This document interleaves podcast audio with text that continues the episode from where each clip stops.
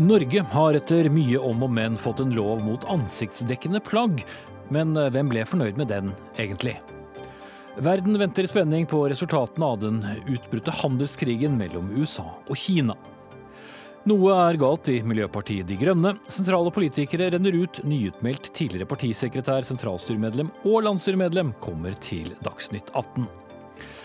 Og SV vil sende kunnskapsministeren i skammekroken, mener han trenerer lærernormen opposisjonen har tvunget på regjeringen. Nei da, vi skal bare finne kvalifiserte lærere først, bedyrer han.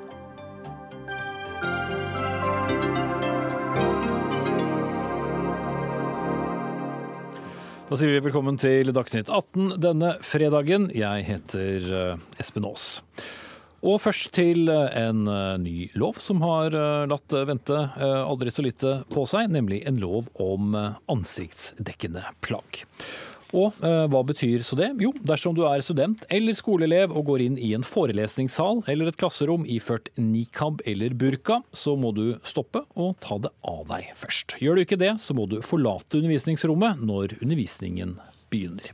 Som første land i Norden blir det nasjonale forbudet innført i Norge fra høsten, og gjelder hele undervisningsløpet fra barnehage til universitet.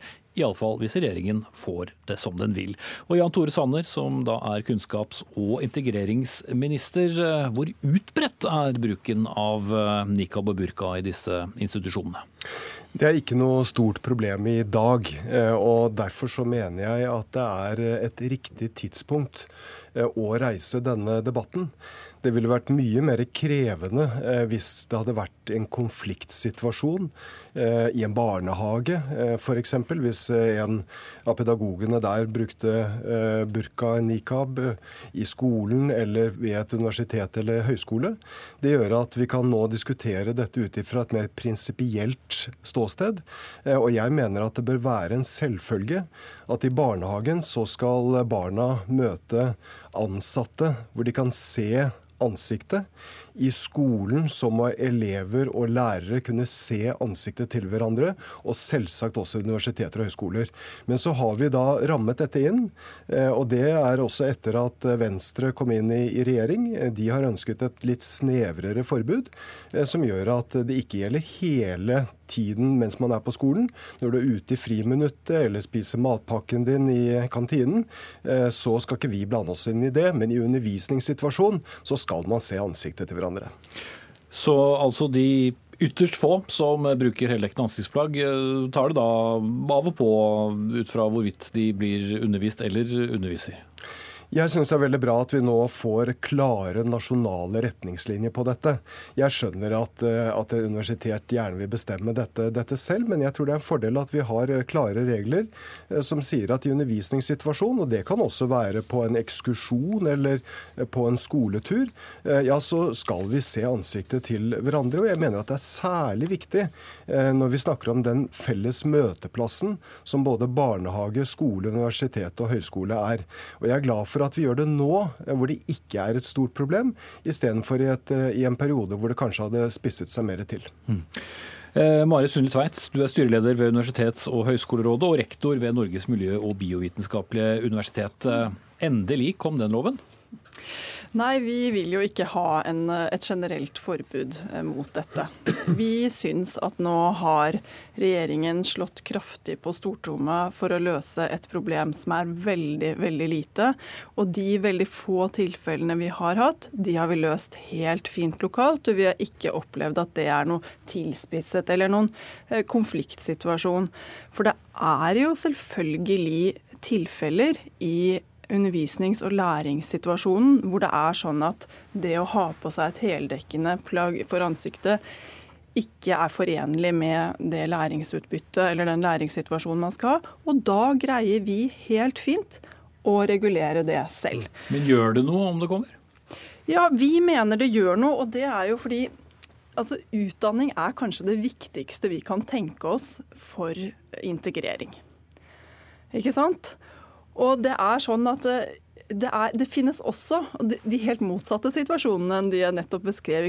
Hvor, det, hvor, man selvfølgelig sikkert kan si at det er ønskelig, men hvor det ikke er helt avgjørende at man kan se hverandre for å ha en undervisningssituasjon, og at vi skal kunne generelt, på et generelt grunnlag si du får ikke delta i undervisningen. Vi kan, vi kan, det er ikke det en slags integrering, da? I Norge så har vi ikke heldekkende ansiktsplagg. Vi kan bli nødt til å vise bort studenter som har på seg et slikt plagg. Vi mener at det er mye viktigere å se til integreringshensynet og det at alle skal ha rett til utdanning. Men er ikke det også en form for integrering å si at eh, Norge er et land hvor vi ikke tillater eh, heldekkende ansiktsplagg eh, i undervisning og for så vidt barnehage- og skolesammenheng? Vet du hva, for meg så er Altså jeg er jo veldig opptatt av at Norge skal være et åpent og inkluderende land.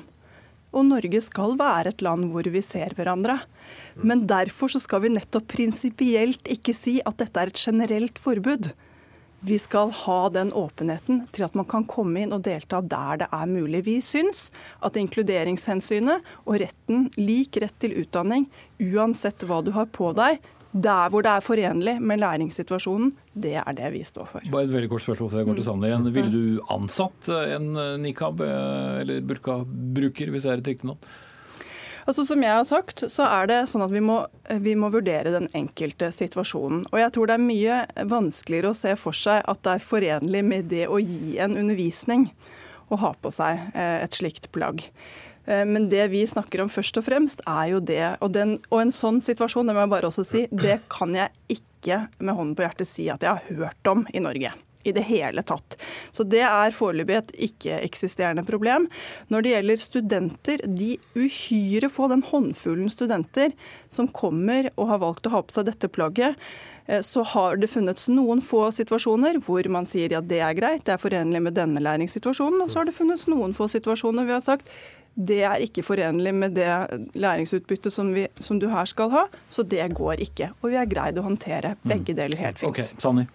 Jeg syns jo det er et veldig pussig standpunkt eh, å si at dette er viktig, at det er viktig at man skal kunne ha på en nikab ut fra et integreringsståsted.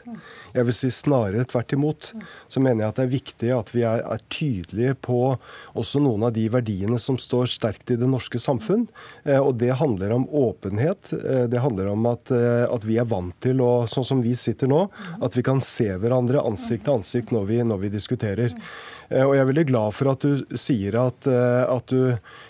ikke mener at en professor eller en annen som underviser ved et universitet skal kunne ha på seg burka eller nikab. Eh, så jeg er for glad for at vi kan være enige om i hvert fall de. Der må du ha klare retningslinjer. Og så skjønner jeg at universitetet gjerne vil bestemme det selv, men jeg tror også at det er greit at, eh, at både barnehager, skoler, universiteter og høyskoler har disse grunnleggende reglene. Og så er det mulig for noen å gå lenger hvis man ønsker det, men i undervisningssituasjonen situasjon, så skal vi se ansiktet til hverandre.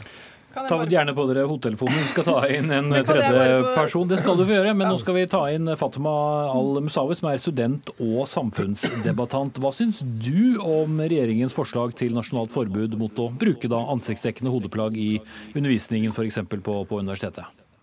Jeg skulle egentlig ønske at regjeringen hadde fulgt de faglige vurderingene som påpeker at kunnskapsgrunnlaget for et forbud faktisk mangler. Og det at man ønsker å diskriminere et så fåtall studenter, syns jeg er utrolig synd, spesielt siden det kan øke, føre til økt radikalisering. Og det vil jo kan det det hvis det er snakk om så få? Ja, men det, Når de faglige vurderingene sier det, så vil, gjerne, så vil, jeg jo gjerne følge de faglige vurderingene og høre på de. Og spesielt meg, da, som også sitter i universitetsstyret her i Stavanger. Vil jo, jeg vil jo gjerne være med å bestemme hva, hva, slags universitet vi skal være. Og jeg vil gjerne være med å bestemme at vi skal være et åpent universitet, der det i noen studier bør være mulig at kvinner får lov til å bære nikab når det ikke er et problem og det ikke handler om sosialisering eller kommunikasjon med andre mennesker, som det kanskje vil være i sykepleierstudiet eller barnevernsstudiet. Mm. Ja, Sander, det er jo noen som mener at du skyter litt spurv med, med, kanon uh, her? Det er riktig, og det har jeg også understreket uh, tidligere i uh, diskusjonen, at det er ikke noe stort problem i dag. Og Derfor så mener jeg at det er et riktig tidspunkt. Vi kan nå ha en prinsipiell diskusjon uten at det er noen konkrete eh, situasjoner ved en barnehage, skole, universitet eller høyskole, men vi vet at det er en god del som bruker nikab og burka, og vi ønsker å slå fast at man skal, bruke, eh, skal kunne se ansiktene til hverandre. så er det riktig at, at det er ikke forsket veldig mye på dette. Men det er slik at flere land, europeiske land har innført forbud. Frankrike, Østerrike, Belgia. Frankrike ble tatt for Den europeiske menneskerettighetsdomstolen, og Frankrike nådde frem. slik at vi er, Dette er ikke på noen måte i strid med noen menneskerettigheter eller på annen måte. Og Jeg kan ikke, jeg vil gjerne spørre om du, når du sier at, at du vil følge de faglige rådene, og at dette kan føre til radikalisering. Jeg vil gjerne se det faglige grunnlaget som underbygger at et, at et forbud mot ansiktsdekkende plagg i undervisningssituasjon, at det fører til radikalisering. Det vil jeg gjerne ha dokumentert. Fatma Al-Musawi. Ja, altså det, det, får du spørre ditt departement om, for det er jo der de, er hentet, eller de eh, notatene er hentet fra. Um, men det, jeg, men det, jeg, tenker da er at okay, det er noen land som har forbudt det. Men vi i Norge vi er jo et livssynsåpent samfunn, og jeg håper vi forblir sånn, hvor folk kan få lov til å være den de er og ytre seg som de ønsker, uten at det skal være noen retningslinjer på hva man kan gå kledd i eller ikke. Eh, jeg ønsker ikke å være i et land hvor vi går over til å bli et livssynsnøytralt, der staten regulerer hva folk kan ha på seg i det offentlige og ikke. Mm. Det, det, bare si at det prinsipielle utgangspunktet er jeg helt enig i. Eh, og Derfor så, så, har vi også nå, eh, etter at Venstre kom inn i regjering og etter høringsrunden, så har vi avgrenset dette, dette forbudet mot det som var ute til, til, høring. Men du ville egentlig gå lenger, eller Høyre og Fremskrittspartiet og Arbeiderpartiet kritiserer dere også i dag for ikke å, å gå langt nok? Eh, ja, eh, nå er det vel noen som er ute og kritiserer for å kritisere. Eh, det sies litt fra, fra begge sider. Altså, poenget mitt er at, at, vi har også lyttet i den høringsrunden som nå har vært. Og jeg, jeg skjønner at eh, forstår argumentet om når du går gjennom campusområdet med, en, med et ansiktsdekkende plagg, så er ikke det noe vi skal blande oss inn i. Derfor begrenser vi oss til undervisningssituasjonen. Der skal vi se ansiktet til hverandre. Mm. Mari Sunde Tveit. Ja, altså Du sier at dere har lyttet til høringsinnspillene. Jeg må bare si altså studentene vil ikke ha det. Institusjonene vil ikke ha det. UHR-styret har sagt helt enstemmig at vi vil ikke ha dette generelle forbudet. Når det gjelder uh, den helt hypotetiske situasjonen med lærere eller professorer, som Sanner konkluderte med at vi var enige på, så må jeg bare si at det har ikke vi gått inn i og vurdert uh, grundig om det kan finnes unntakssituasjoner der. Men det vi sier, og jeg må bare for En del av de argumentene som statsråden her fremfører, det sklir over i en, over i en diskusjon for eller imot eh, nikab, burka. Det er ikke det vi sitter og diskuterer her. Det vi sitter og diskuterer er skal vi tillate tilgang til enkelte undervisningssituasjoner der dette ikke er i veien for læringssituasjonen for personer som har på seg dette. Og da vil vi helt entydig si til regjeringen vi vil forbeholde oss retten til å tillate disse studentene å komme inn hos oss der det ikke er eh, noe i veien for det. Og så må jeg bare også føye til at dette er jo en regjering som har satt autonomi for institusjonene. De har programfestet det i sin nye regjeringsplattform. Og Da syns jeg det er veldig underlig at man kommer og vil ta fra institusjonene denne muligheten til å tillate det, der mine forelesere sier det er helt greit for meg at en person sitter med nikab eller burka bakerst i lokalet, og så skal de ikke få lov til det fordi dere sier dere skal ha et generelt forbud. For oss er det ganske underlig. Da skal du få svare på det, og så gjerne fortelle oss helt til slutt hvordan dette skal håndheves. Bare for å ta først, eh, Dette kommer etter all sannsynlighet til å bli vedtatt. Eh, det er et eh, klart stortingsflertall som har gitt uttrykk for at dette ønsker man. I barnehagen, skole og universiteter og høyskoler så skal vi se ansikt til hverandre i undervisningssituasjonen. Og Det er også slik at det er mer nyansert når det gjelder universitets- og høyskolesektoren enn det du sier. Det er slik at Flere universitetslærere fra de fire største universitetene i landet har støttet eh, forslaget. Det er også slik at, eh, at Høgskolen i Østfold har støttet det. Likestillings- og diskrimineringsombudet det har ganske bred støtte i, i høringsrunden. Så er det håndhevelsen. Ja, der, skal det være, der skal det være selvsagt dialog. Man skal finne gode løsninger ved den enkelte institusjon. Og Da er det det ordensreglementet man har ved skolen eller universitetet universitetet som må, som må gjelde. Og, og det kan handle om bortvisning. Eh, det kan i ytterste konsekvens være at man da ikke får møte. Og for, eh, for, ansatte så vil det være de ordinære reglene som gjelder for, for ansettelsesforhold. Men her er det dialog som skal være første, eh, første møte, hvis noen insisterer på å ha på seg et ansiktsdekkende plagg i undervisningen. Ja, Mange spørsmål som kommer opp, men jeg må stoppe det der. Mari Sundli Tveit, styreleder ved Universitets- og høgskolerådet, også rektor ved Norges miljø- og biovitenskapelige universitet. Vi sier også takk til Fatima Al-Musawi, student og samfunnsdebatt debattant, og Jan Tore Sanner, kunnskaps- og integreringsminister. Men kunnskapsdelen av deg skal få sitte litt til.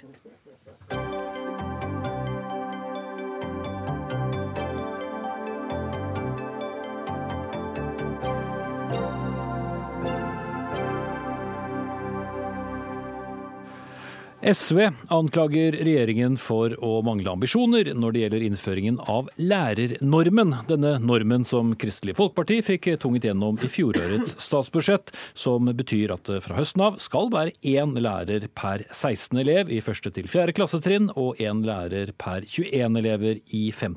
og tiende klasse. Og Jan Tore Sanner igjen, dere vil jo egentlig ikke ha denne lærernormen. Er det derfor det går litt sakte, som SV hevder? Jeg vil jo ikke akkurat si at det går sakte når vedtaket ble fattet i desember eh, og det skal iverksettes fra 1.8. Så på under et år skal vi gjennomføre dette. Så er det slik at eh, de borgerlige partiene eh, har hatt en storsatsing på tidlig innsats i skolen gjennom fire år, som betyr at det har blitt 1600 eh, flere lærere i småskolen. Det betyr at vi begynner å nærme oss eh, denne, denne normen. Eh, nå har vi en forskrift ute på høring som sier hvordan skolene skal gjennomføre dette. Og så lå det i enigheten med Kristelig Folkeparti at de økonomiske sidene ved det skal komme i revidert nasjonalbudsjett. Så vi er, vi er, vi er på eh, Så det kommer til høsten? Ja, det skal gjennomføres fra, fra høsten av. Eh, så vi gjennomfører det slik det er planlagt. Og så er jeg veldig glad for at eh, Oslo nå endelig har tatt eh, tak og begynner å ansette lærere. Det er viktig at kommunene er godt forberedt, det er viktig at skolene er forberedt. Jeg, dette, jeg tror dette kommer til å bli bra. Det er viktig at elevene møter trygge, gode lærere ved skolestart. Mm. Ja, Inga Marte Torkelsen, nå byråd for oppvekst og kunnskap i Oslo og fra SV. I dag gikk du i ut i Dagsavisen og skal bruke kommunekassa til å begynne med for å ansette 250 lærere. Så du virker i hvert fall ikke så bekymret for at eh, det ikke kommer noe penger?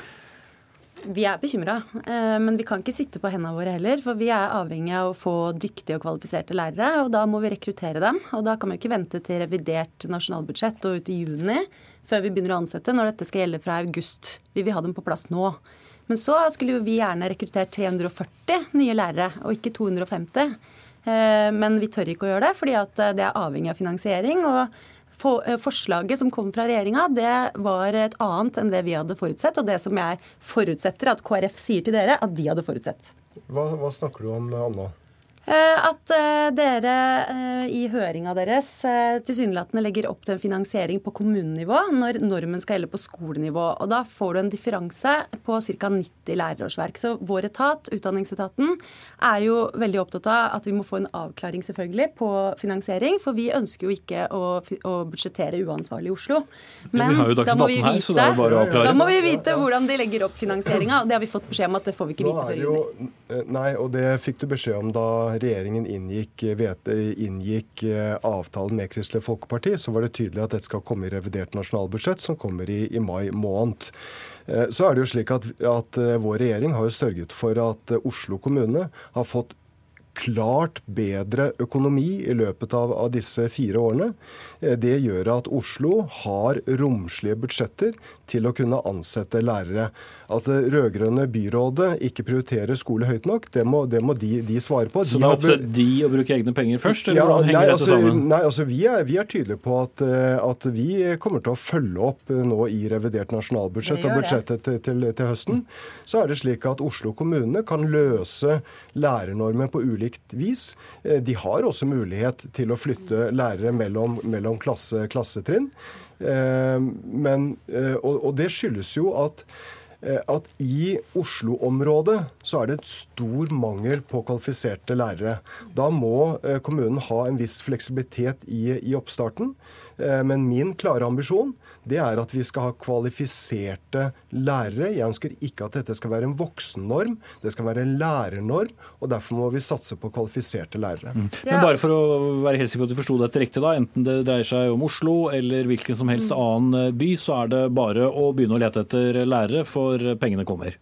Vi har gitt eh, klar beskjed om at eh, det, den avtalen vi har med Kristelig Folkeparti, den skal vi selvsagt gjennomføre. Så vet vi at i noen kommuner så er det mangel på lærere.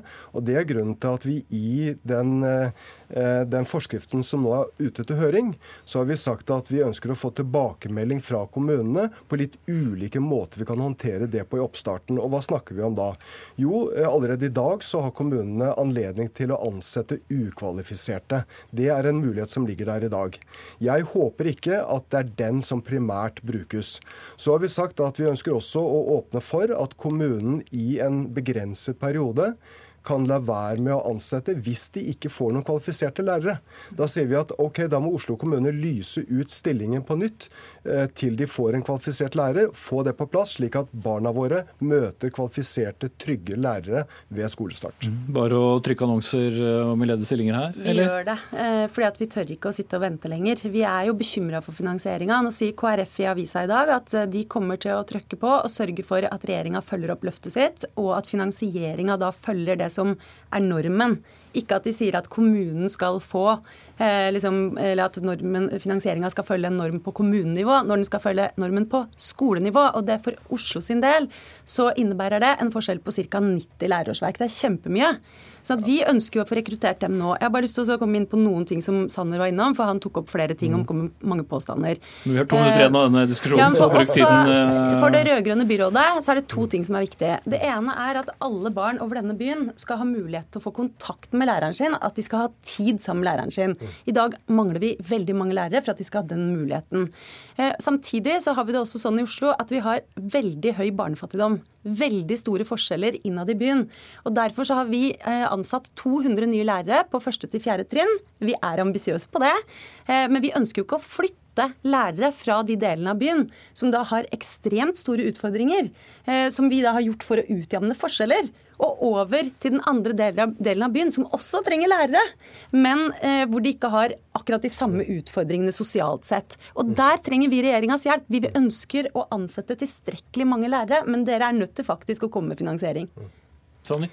Nå er dere jo da heldige, da, eh, når dere har en borgerlig regjering som har inngått en avtale med KrF og skal gjennomføre en lærernorm som gjør at det blir flere lærere. Vi takker KrF ja, veldig for det, ja, altså. Det gjør vi. Og vi, og vi, vi gjennomfører det, og det ja. har blitt flere lærere i grunnskolen de, de, senere år. Og så er det slik at eh, Oslo kommune har vel et skolebudsjett på 5 milliarder kroner. Eh, så, så økonomi, det har Oslo kommune. Og så skal vi sørge for å få gode retningslinjer på, på plass.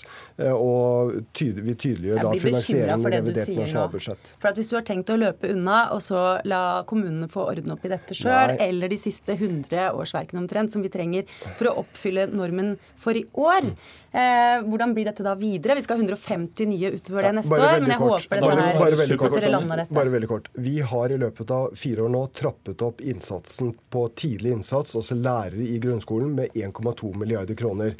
Så skal vi nå sørge for at vi får en god gjennomføring av, av lærernormen. Mitt eneste poeng det er at Oslo kommune har god økonomi. Dere kan også selv prioritere, slik dere bl.a. har gjort på, på Oslo øst, som jeg syns er bra. Blant annet takket være eiendomsskatten, og det er vi vi veldig glad for at vi har den muligheten. ja. Jan Tore Sanner, kunnskaps- og integreringsminister, og Inga Marte Torkelsen, byråd for oppvekst og kunnskap.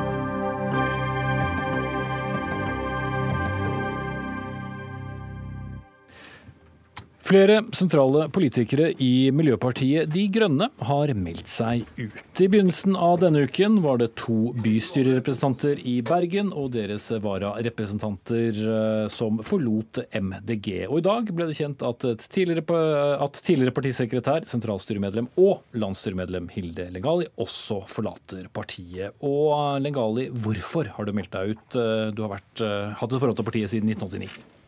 Mm, siden, 2000, ja, siden 1989, ja, men det er for så vidt sant, for da stemte jeg på de. ja.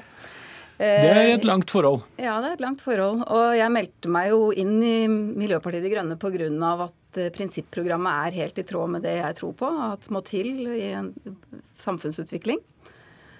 Så det å nå gå til det valget og melde meg ut, det handler jo om at jeg opplever at sånn som partiet ledes nå, så går vi ikke i den retningen som jeg vil at vi skal gå. Jeg syns ikke det er i tråd med prinsipprogrammet på noen viktige punkter.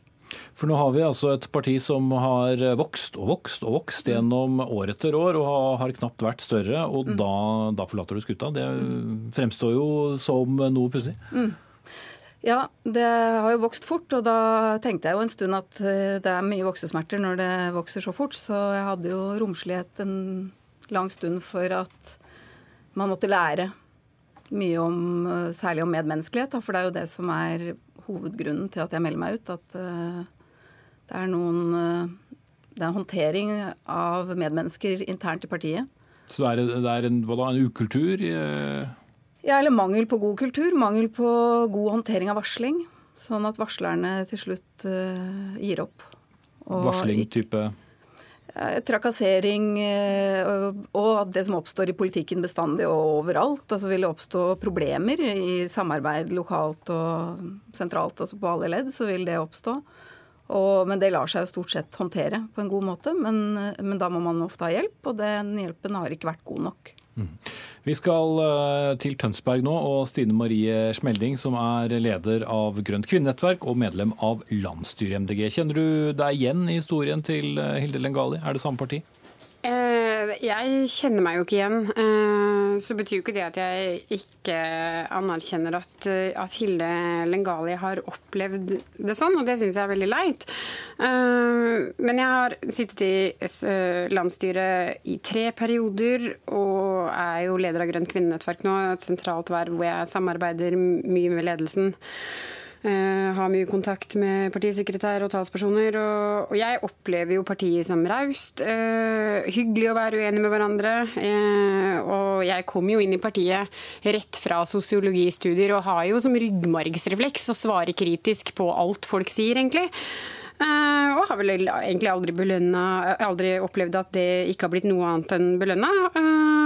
og at det har vært uh, vært veldig greit. Uh, så jeg kjenner meg, jeg kjenner meg overhodet ikke igjen uh, i det. Men Legali, hva slags reaksjoner har du da fått når du har forsøkt å peke på disse tingene i partiet? Ja, jeg har Altså, jeg opplever at det ikke har blitt hørt når jeg har bedt om at kritikk skal håndteres som en mulighet for utvikling, og at man skal så en god ledelse, en god måte å håndtere kritikk på, handler jo om å for det første få varslerne, eller de som melder kritikken, til å føle seg hørt og sett på en god måte. Og når, når folk melder seg ut og forlater partiet, så er jo det ganske sterke signaler på at det ikke har blitt hørt. Så og det, det, som nå har kommet fram, altså kanskje dråpen som gjorde at jeg meldte meg ut nå, var jo også partiets uttalelser som reaksjon på utmeldingen nå i Bergen.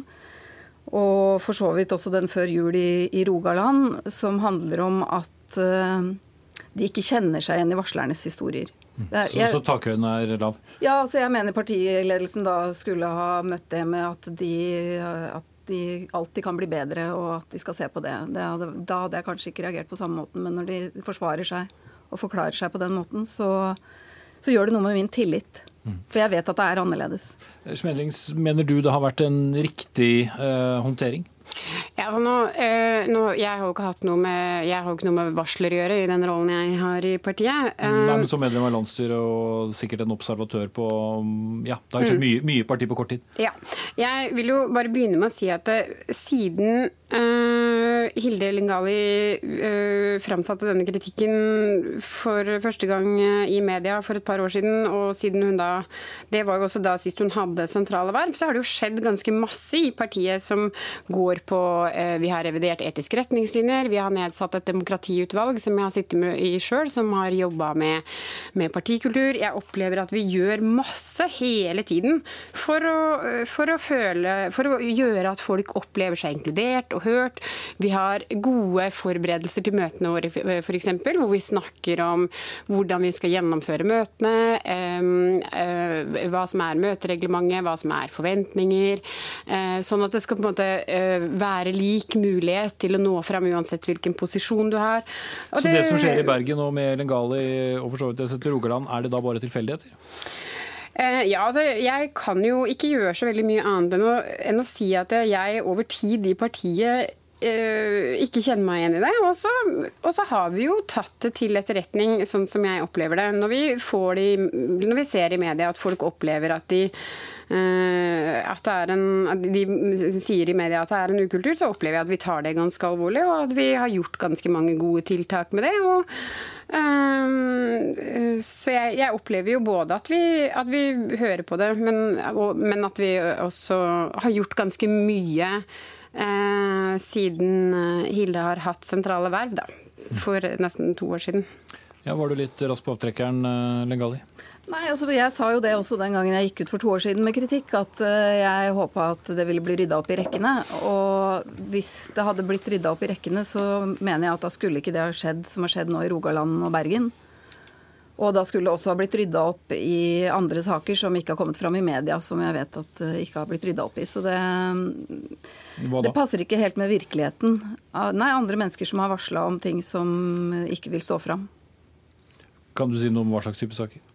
Eh, de opplever at de ikke har blitt De har meldt trakassering, eller eh, at de har opplevd seg dårlig behandla. Og så får de ikke god nok hjelp, da. Som seksuell trakassering? Eller? Nei, ikke nei. Mm. Men Det høres unektelig ut som dere har vært medlem av hvert deres parti her? Mm. Ja, og Det handler kanskje om litt sånn innenforskap og utenforskap. At, den, at, det er jo synd da, hvis det skjer veldig mye bra på ledelsesnivå som ikke vi merker. Jeg er jo folkevalgt i partiet, selv om jeg ikke har vært aktiv i partiet sentralt de siste to årene. Så har jeg ikke merka noen ting til det som Stine snakker om nå. Hva, er da, hva spår du for videre kurs for partiet, eller hva er din oppfordring eventuelt? Jeg håper jo virkelig at partiet gjør de endringene som det nå blir snakka om, og at vi får en partikultur som er i tråd med prinsipprogrammet vårt og hovedprinsippet vårt om medmenneskelighet. Og der mener dere du at dere er eh, smedling? Jeg, jeg tenker at det, vi, eh, som alle andre organisasjoner og arbeidsplasser og alle steder der det finnes folk, så har man alltid forbedringspotensialer. Eh, og vi er absolutt lydhøre for å, for å få tilbakemeldinger om, om, hva vi kan gjøre bedre. Uh, det, så vi, vi, skal, vi, blir aldri ferdig med, med, den prosessen der å bli en bedre og mer inkluderende uh, organisasjon. Uh, men så mener jeg også at vi har gjort masse bra, og at vi jobber, med, vi jobber masse med, med inkludering hele tida. og jeg, jeg, har jo også vært Uh, ja, jeg har også vært med, med en stund, og, og jeg også uh, uh, syns jo det er rart at, at det oppleves eh, så forskjellig. Eh, men jeg vil veldig gjerne høre på, på, folk som forteller, altså folk som har behov for å fortelle en historie om at de har opplevd noe annet. Man må gjerne gjøre det også etter at de har meldt seg ut. Så, så, så jeg kan gjerne sette meg ned og snakke med, med Hilde, Hilde, nå, eh, etter, selv om hun har meldt seg ut, og, og se om jeg kan se noen forbedringspotensialer.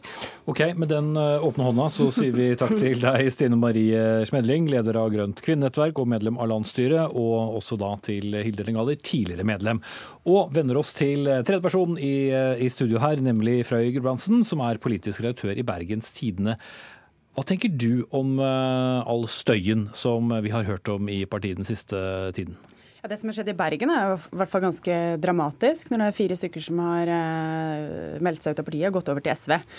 Eh, så Bystyregruppen til MDG er jo halvert. Gjorde et kanonvalg i 2015, og nå er den bystyregruppen halvert. Og, så det er, det er, ganske dramatisk og vanskelig for eh, lokallaget. Definitivt.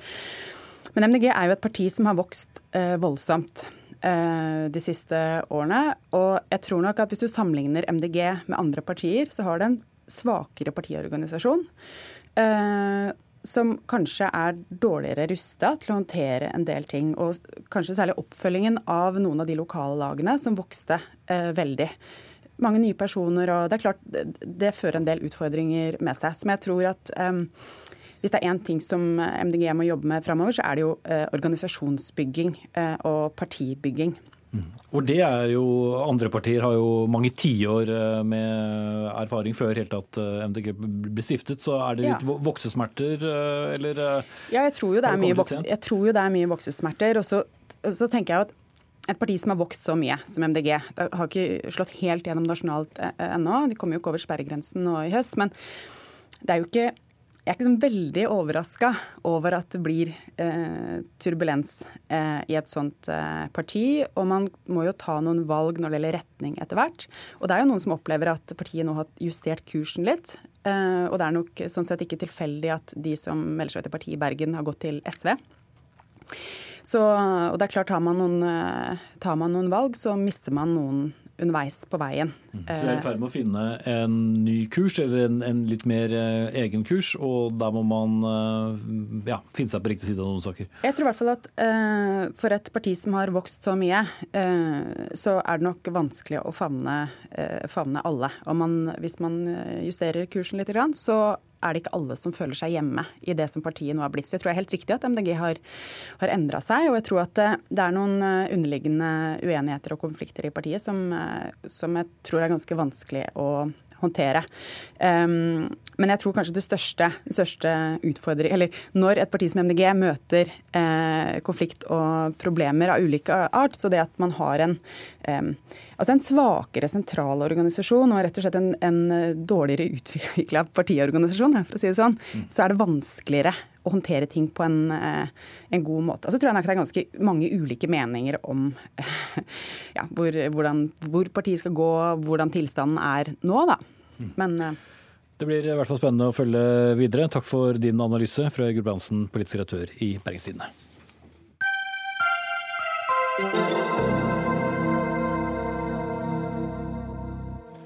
Det går eh, mot full handelskrig mellom Kina og USA etter at president Donald Trump har innført eh, tollmur. Tollmuren er spesielt myntet på kinesiske varer for å beskytte amerikansk industri, og aksjemarkedene er nervøse for følgene av dette. Både EU og en del andre land vil få unntak, men ikke Norge, bekrefter Utenriksdepartementet i dag. Og Henning Christoffersen, forfatter og Kina-kjenner. Hvem vinner og taper på det som nå er under oppseiling? Det er vel stor fare for at eh, mange taper eh, og få vinner. Eh, det er ikke helt lett å se hvordan USA tjener på dette her i forhold til Kina. Det er jo ikke sånn at Donald Trump heller har noen massiv støtte på hjemmebane for disse sanksjonene mot Kina. Det er veldig mange amerikanske selskaper som er avhengig av et godt forhold USA og Kina, som er avhengig av det kinesiske markedet, og som er avhengig av Kina som produksjonsland. Mm. Ja, kan ta, ta Apple f.eks. De både produserer, de har ikke mulighet til å få produsert alle telefonene som hele verden bruker, uten å gjøre det i Kina. Og de er også helt avhengig av det kinesiske markedet, så, som ett eksempel. Så hvorfor gjøre det? Er det innenrikspolitiske grunner som eh, driver presidenten? Han skal i hvert fall ha det at han eh, gjør det han har sagt han skal gjøre. Eh, han sa jo veldig klart ifra i valget at det har vært urettferdig, den, den handelen som Kina driver med. Og det er en viktig grunn til at masse industriarbeidsplasser har gått tapt i USA. Så han snakker nok mye til sin egen velgergruppe, til, til amerikanske arbeidere. Men jeg tror ikke den amerikanske arbeideren får det noe lett eh, av dette her. Mm. Vi skal til USA nå, vi, og vår mann der, nemlig Anders eh, Magnus. Hvor omstridt eh, opplever du at innføringen av disse tollmurene er, ut fra det som blir sagt og skrevet? Det er omstridt. Aksjemarkedet liker det ikke, og bøndene i Midtvesten liker det heller ikke. De har begynt å annonsere på TV nå. Men vi skal også være klar over at eh, responsen fra Kina har vært veldig forsiktig.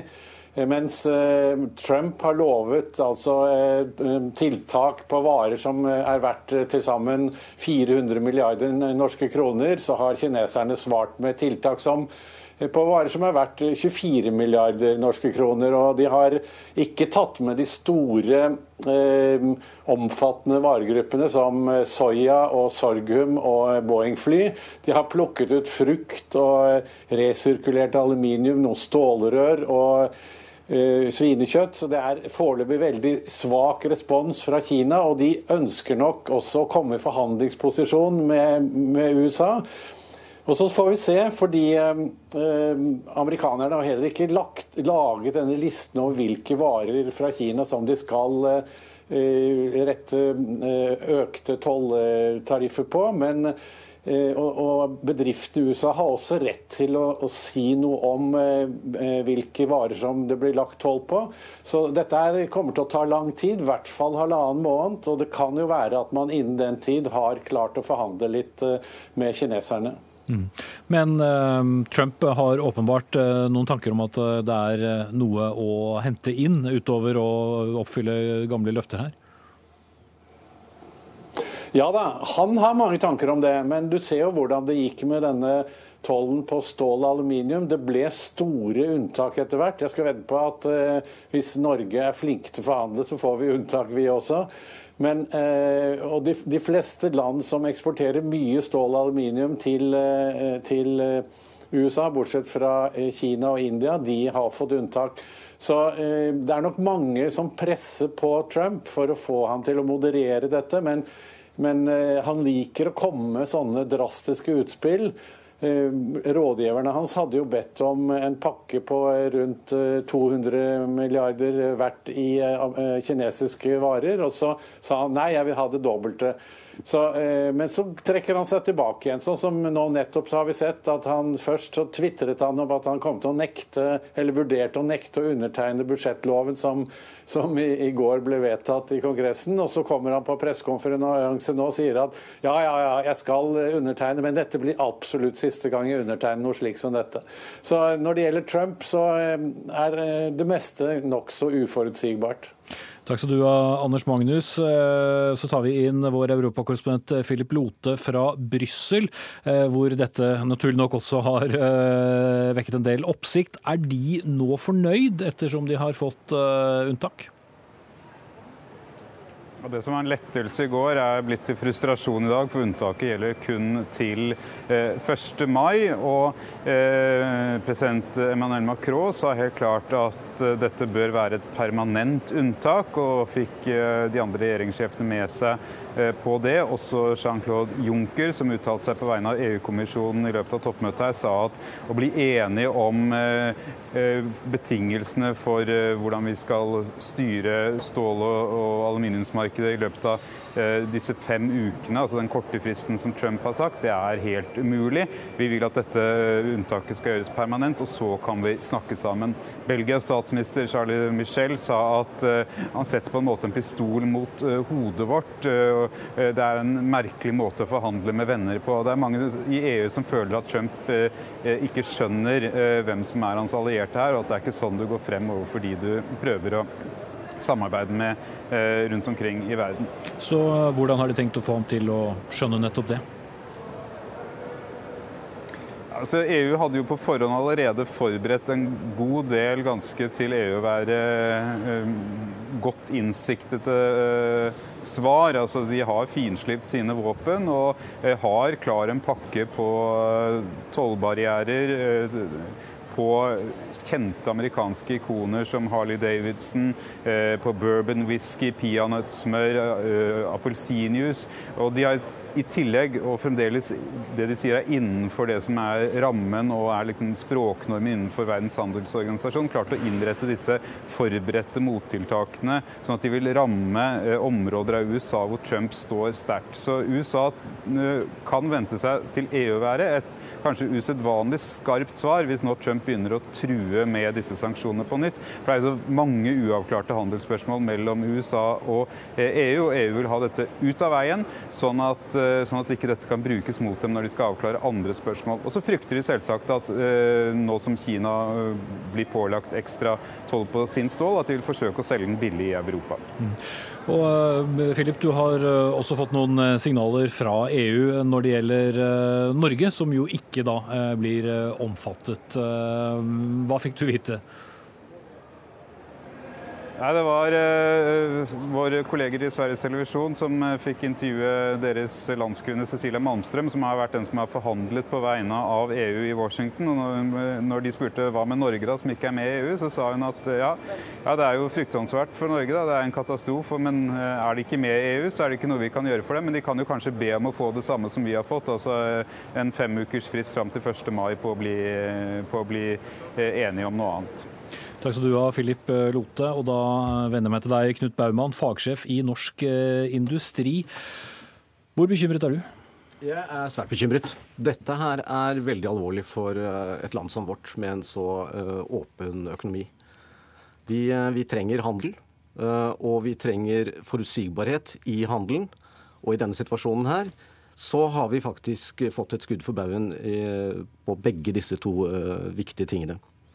Men er det først og fremst dramatisk fordi vi ikke blir med på, på samme unntaket som EU, eh, e eller er det dramatisk at eh, Trump rett og slett gjør dette? Eh, det er dramatisk på flere uh, områder. Uh, altså Effekten uh, kan beskrives som både direkte, det er hvordan den rammer norske bedrifter på det amerikanske markedet, og indirekte hva som vil komme lenger ned i veien. Og Det er da også knyttet til eh, hvordan f.eks. EU vil reagere hvis da denne konflikten eskalerer. Og til slutt så er det jo da selvfølgelig eh, det store, stygge spøkelset. Vil vi få en eh, global handelskrig? Og det kan vi se for oss kan skje her? Vi kan absolutt ikke utelukke det. Det, det kan vi ikke. For Trump har nå spilt sine kort på en ganske aggressiv måte det er mange som vil bli eh, berørt. Og hvis de ikke føler at de får tilfredsstillende løsninger med USA, ja, så kan man sette i gang beskyttelsestiltak. Mm. Ja, eh, Henning Kristoffersen, eh, altså som Anders Magnus var inne på, så har vel Kina foreløpig iallfall vært litt forsiktig med svaret, selv om USA-ambassadøren brukte noen utropstegn da han kommenterte det. Men vi må vente egentlig og se hva som kommer til å skje og hvor eh, alvorlig det blir? Nei, eh, Beijing har vært eh, ganske klar. De sier at det, det, siste de vil ha, det er en handelskrig. Det svekker den globale økonomien. Blir den globale økonomien svekket, så svekker det Kina. Åpenbart. Så De ønsker ikke det, og derfor så vil de vente. Men de har også vært veldig tydelige på at dersom det skulle bli en handelskrig, og ikke Trump besinner seg, så frykter vi det ikke i det hele tatt. Vi kommer da til å kjempe med alt vi har, og det er faktisk ikke så lite. De, har, de er ikke så eh, avhengig av det amerikanske markedet som de var for 10-20 år siden. De kommer til å kanalisere eksporten sin til eh, andre markeder, og de kan også eh, gjøre det vanskelig for amerikansk eksport til Kina og for amerikanske selskaper i Kina. Så de har mye å svare med, men de har også mye å tape på en handelskrig. Så, så de vil nok vente.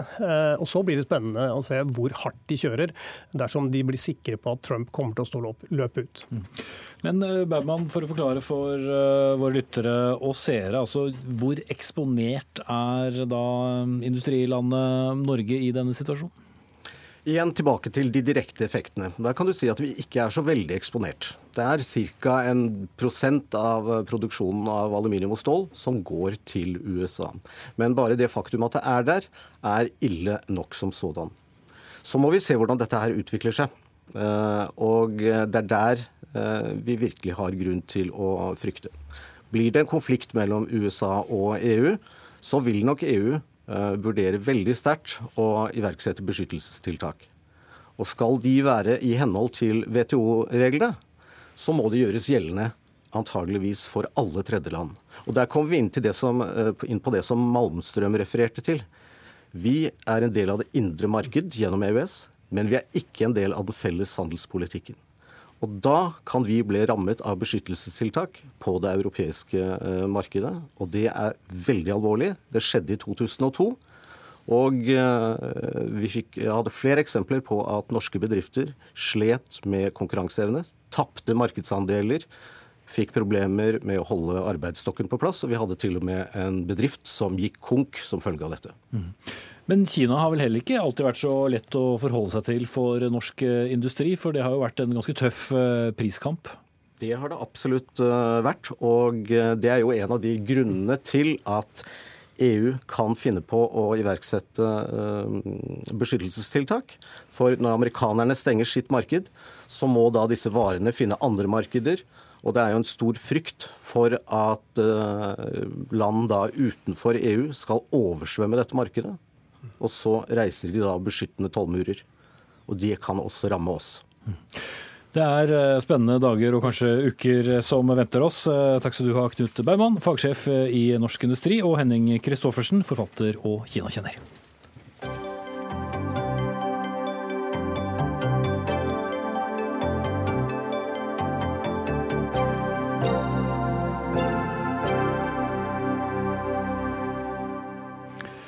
I går gikk Greenpeace-aktivister til aksjon mot eh, boreriggen West Hercules i Kippavika utenfor Bergen. I sommer skal riggen dra på oppdrag for Statoil i Barentshavet. Og Terje Halleland, stortingsrepresentant for Fremskrittspartiet, du har reagert på gjennomføringen av denne aksjonen. Hvordan da? Ja, jeg eh, fikk jo denne med meg gjennom et oppslag i eh, Klassekampen, der eh, Greenpeace Norge går ut og sier at de har borda en borerigg.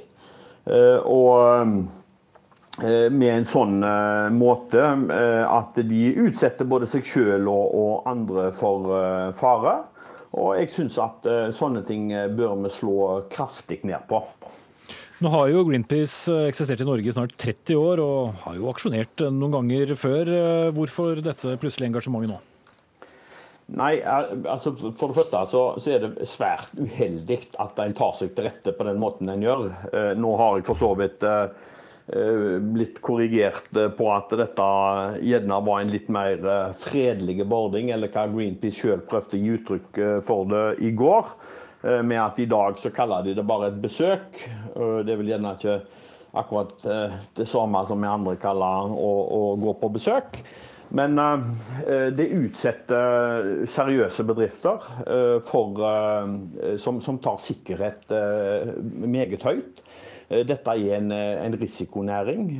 det er til sjøs. Eh, det er mye å passe på.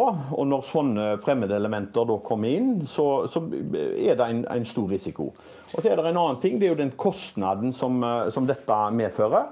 Eh, og som jeg forstår, så, så har dette da blitt en utsettelse på, på oppdraget som koster selvfølgelig uh, selskapet mye penger, og koster det selskapet mye penger, så koster det meg og deg mye penger. Ok. Truls Gullofsen, leder Greenpeace uh, Norge. Hvorfor uh, denne aksjonen? Hvorfor var det nødvendig? Nei, Aksjonen var nødvendig fordi vi ønsket å sette søkelys på at selv om Statoil nå døper seg om til Equinor og, og skal ha et mer bærekraftig image, så er realiteten at selskapet ufortrødent fortsetter å sende oljerigger som West Hercules inn i våre nordligste og mest sårbare områder. Eh, til tross for at eh, det, lovligheten av dette er uavklart gjennom det klimasøksmålet som ennå ikke er avklart eh, i, i, rettssystemet. Det var vel ikke helt lovlig den aksjonen heller, ifølge ja, politiet? Det sier, det sier Halleland her, at det var både lovlig og ulovlig og farlig. Det var to aktivister som besøkte den riggen som lå der ba om et møte med riggkapteinen og fikk det etter tolv timer. Og etter det så, så gikk de ned.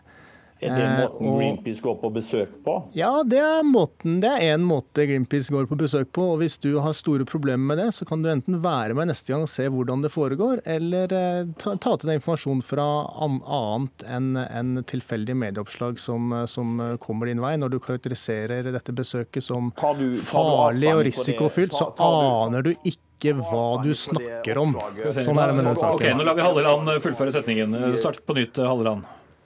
Eh, tar du avstand fra det oppslaget som, eh, som var, der du sjøl går ut og sånn som jeg oppfatter dette, blir sitert på at Greenpeace har borda en norsk borerigg. Og Når det da er et seriøst selskap som sikkert har, har, har håndtert denne situasjonen på, på, best måte og en trygg måte, som har gjort at dette ikke har eskalert, men har kosta selskapet da at de har holdt igjen, og bare for å få håndtere situasjonen på en, på en trygg måte, og lar heller dette gå ut over framdriften på sitt prosjekt. Hvis dere ønsker å angripe eh, norsk oljeindustri og Barentshavet og den aktiviteten som er der, så må dere gå på de beslutningstakerne som gjør dette eh, mulig for Statoil og, og dette tilfellet Sidril. Og ikke gå på en uskyldig tredjepart som kun gjennomfører eh, sitt, sitt, oppdrag. Gikk dere på besøk til feil person her, Gullovsen? Det er klart at Vi gikk på besøk til den riggen som, eh, som skulle bore i Barentshavet. og Det var et eh, helt fredelig og helt eh, hyggelig besøk. Og, og, Så kan jo Halleland mene at dette er feil bruk av, av vår demonstrasjons- og ytringsfrihet fordi han ikke liker budskapet eller de vi sender budskapet til. Det står Halleland helt fritt til å mene. Men det jeg syns også er litt underlig, det du har sagt tidligere i dag, er jo at dette bør vi straffes hardere for enn det vi er blitt. Eh, ingen har, ingen har, fått noe straff fordi at det ikke skjedde noe ulovlig. Og, og du mener også at man bør fratas statsstøtte for, for, å forhindre denne type ting. Og så er det jo sånn at I Greenpeace eh, situasjon så mottar vi av prinsipp ikke statsstøtte eller støtte fra næringslivet i noe som helst land, nettopp for å kunne være fri og uavhengig fra den type Eh, ytringstrakassering som, som, du legger til grunn. Ytringstrakassering, det som, det, det som, jeg reagerer på i denne saken, her, er at det sitter altså dresskledde folk i Oslo og så sender de ut idealister på oppdrag.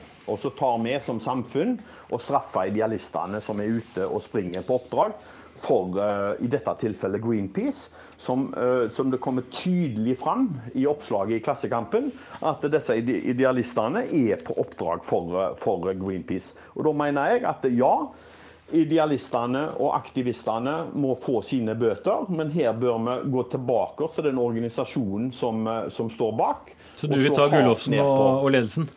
Ja. Hvordan da? Absolutt. Nei, De bør bøtelegges, og de bør, bør bøtelegges på en sånn måte at de gjenspeiler den kostnaden som de har påført samfunnet med sin aksjon. Ja, men det er, en, det er, jo en, mening som du absolutt kan ha, og som stortingsrepresentant så kan du kanskje også få lovfestet den, den, meningen. For det første her er det jo greit å ha fakta på plass. Det er ingen som har fått bøter for noe som helst av det som skjedde i går. Men det var vel ikke lovlig?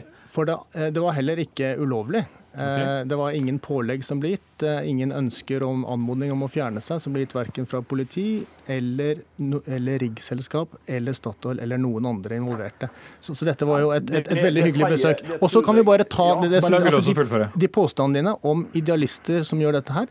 Det er det, og de gjør det med full innforstått av eget ansvar, egen risiko og med stor motivasjon, fordi at de er med på med noe hjelp kanskje fra, fra, fra noen av oss, på å gjøre veldig viktige ting for å få et bedre miljø. Og Hvis du på en måte tror men, at de gjør det bare fordi at de er hjernevaska og uh, av noen andre som sitter på et nei. kontor i Oslo, så tar du så grunnleggende feil om hva politikk og samfunnsendring egentlig dreier seg om. Nei, men altså det er bare det at uh, du og din organisasjon setter dere sjøl framforbi uh, og har en bedre mening enn en resten av samfunnet har.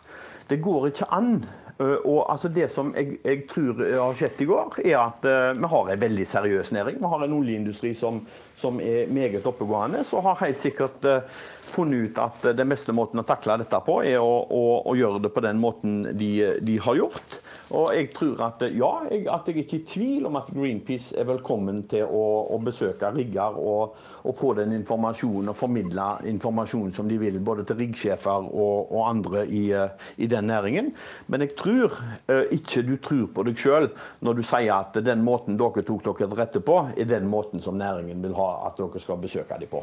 Mm, det er én ting, men det andre er Gulløfsen, fungerer dette? Altså, dette har du holdt på med i mange tiår. Har ikke Halleland et poeng at det er jo til sjuende og sist beslutningstagerne som dere burde påvirke, og ikke operatørene? Vi, vi jobber mot eh, alle, altså i forhold til alle nivåer. Vi har, er med på et klimasøksmål sammen med Natur og Ungdom som nettopp går mot beslutningstakerne. Regjeringa har fått et ugyldig vedtak, mener vi, grunnlovsstridig, om å åpne for mer oljeboring nord i Barentshavet. Statoil sender likevel rigger nordover. Det syns vi de bør la være.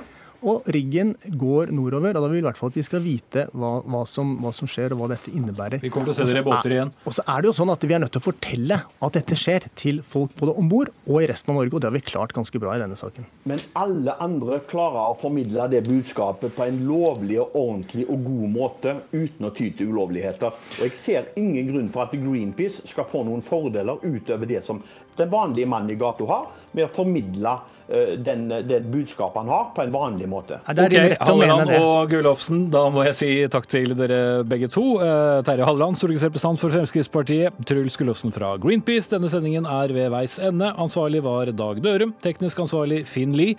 I studio Espen Aas. Og ja, Dagsnytt 18 er tilbake på mandag.